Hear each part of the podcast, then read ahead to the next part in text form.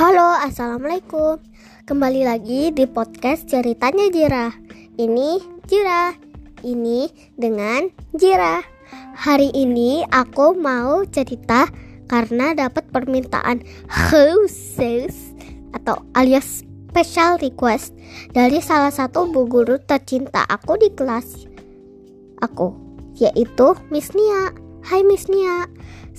Terima kasih ya sudah request cerita. Aku senang sekali ada yang mendengarkan podcast aku dan request cerita. Kayak Miss Nia, nanti teman-teman kalau ada yang mau diceritain bisa request ke aku ya. Nah, Miss Nia mau aku cerita soal acara field trip lalu.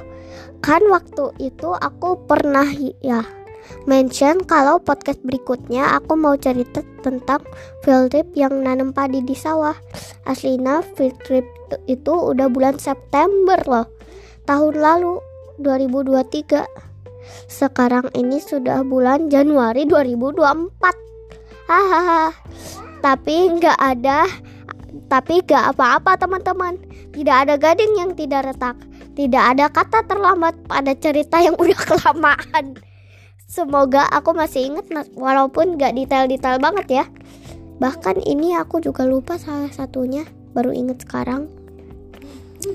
Jadi waktu aku field trip ke sebuah tempat yang namanya Inagro, bentar ini aku duduk kursi melorot.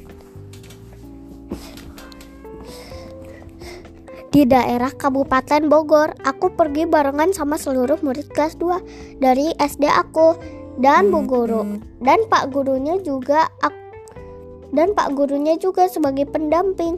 Yang serunya itu adalah itu pertama kalinya loh aku naik bis. Bisnya bukan bis biasa loh. Ini bis telolet. Pas berangkat aku duduk seba sebelahan sama bestie aku yaitu Jagat. Oh ya, Jagat ini punya podcast loh namanya Jagat Berceloteh habis aku beres bercerita teman-teman bisa dengerin de podcastnya Jagat ya dia juga banyak ide buat podcast semuanya dia mau ceritain gitu soalnya tadi aku, aku ketemu dia dia bilang gitu enggak sih itu mamanya di Inagro kita kegiatannya banyak banget kegiatan pertama yang aku ingat setelah copot sepatu aku naik baja yang ditarik oleh hewan simbol Pancasila sila keempat. Tahu kan hewan apaan? Ya, betul, itu adalah kerbau. Nah, seru banget loh. Aku naik baja barengan sama tiga orang lainnya keliling kolam lumpur yang bundar dan banyak batunya.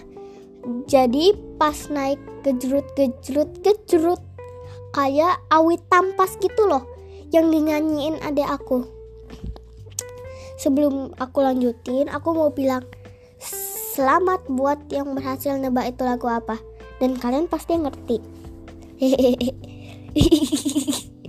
Habis dari bajak sawah kegiatannya selanjutnya adalah tumbuk gabah pakai alu. Aku lupa sesuatu.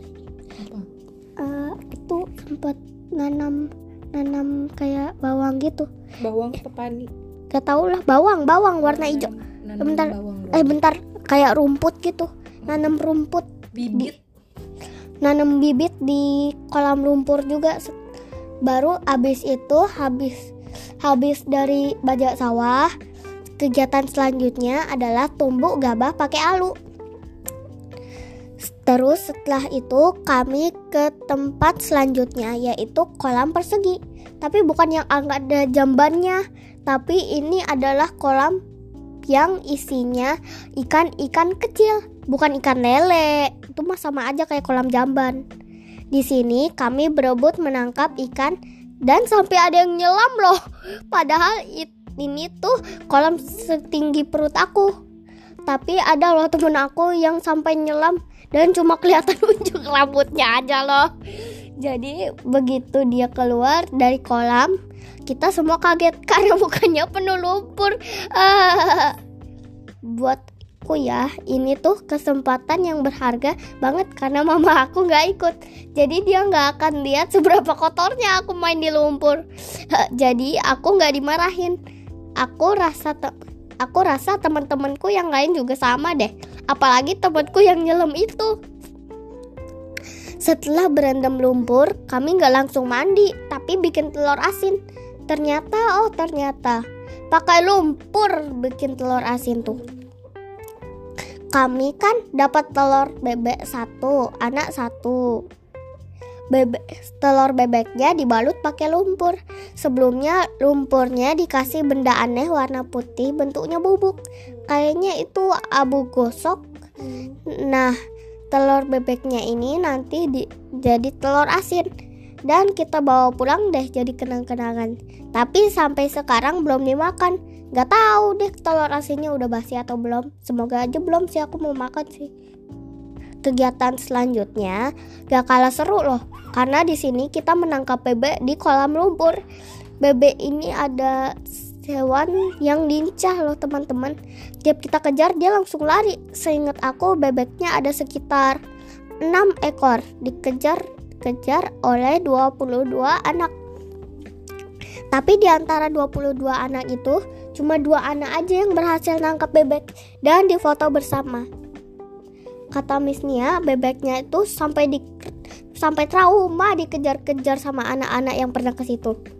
Kata Miss Nia juga kalau bebek kalau bebek juga harus pergi healing setelah dikejar-kejar sama kita-kita ini. Selanjutnya, kami naik bus mini ke tempat berikutnya yang ada di sungai. Kami pakai pelampung dan kalian bisa tebak gak kami mau ngapain? Ya, 100 buat yang jawab. Kami mau main di sungai. Kami naik ban, satu anak satu ban yang ditarik oleh bapak-bapak. Kami naik kereta ban di sepanjang sungai itu. Aku senang banget karena kayak yang paling epic, seru banget. Tiduran di atas ban, di atas sungai, di, atas sungai. Gak peduli baju aku udah sekotor kotornya. Santai banget deh aku sambil menikmati suara sungai suara angin, dan suara burung. Pokoknya natural sound deh, gak ada suara kentut. Nah, kegiatan ini kami semua mandi bebersih badan dan ganti baju. Kemudian si, makan siang bersama-sama. Setelah makan siang kami wudhu, sholat dan pulang deh. Nah, ibu steloletin sama lagi. Sepanjang jalan aku tidur karena capek banget deh teman-teman. Tapi kegiatan ini sangat seru kali karena jarang banget aku bisa main di lumpur, menyelam di empang, kejar-kejaran sama para ikan dan bebek. Sampai di rumah aku sudah menyiapkan oleh oleh untuk mama aku tersayang yaitu baju kotor aku yang perlu berbah sikat bilas kucek bilas kucek lagi sampai berkali-kali karena masya allah banget kotornya kayak sore itu adalah sore kocak bilas masal untuk para ibu-ibu yang adanya habis pulang field trip. Oke, sudah selesai ceritanya. Aku mau ke cerita kelas 1 tapi besok aja lah. Kecapean aku ketawa-tawa mulu. Sekian ceritanya. Wassalamualaikum warahmatullahi wabarakatuh. Dadah.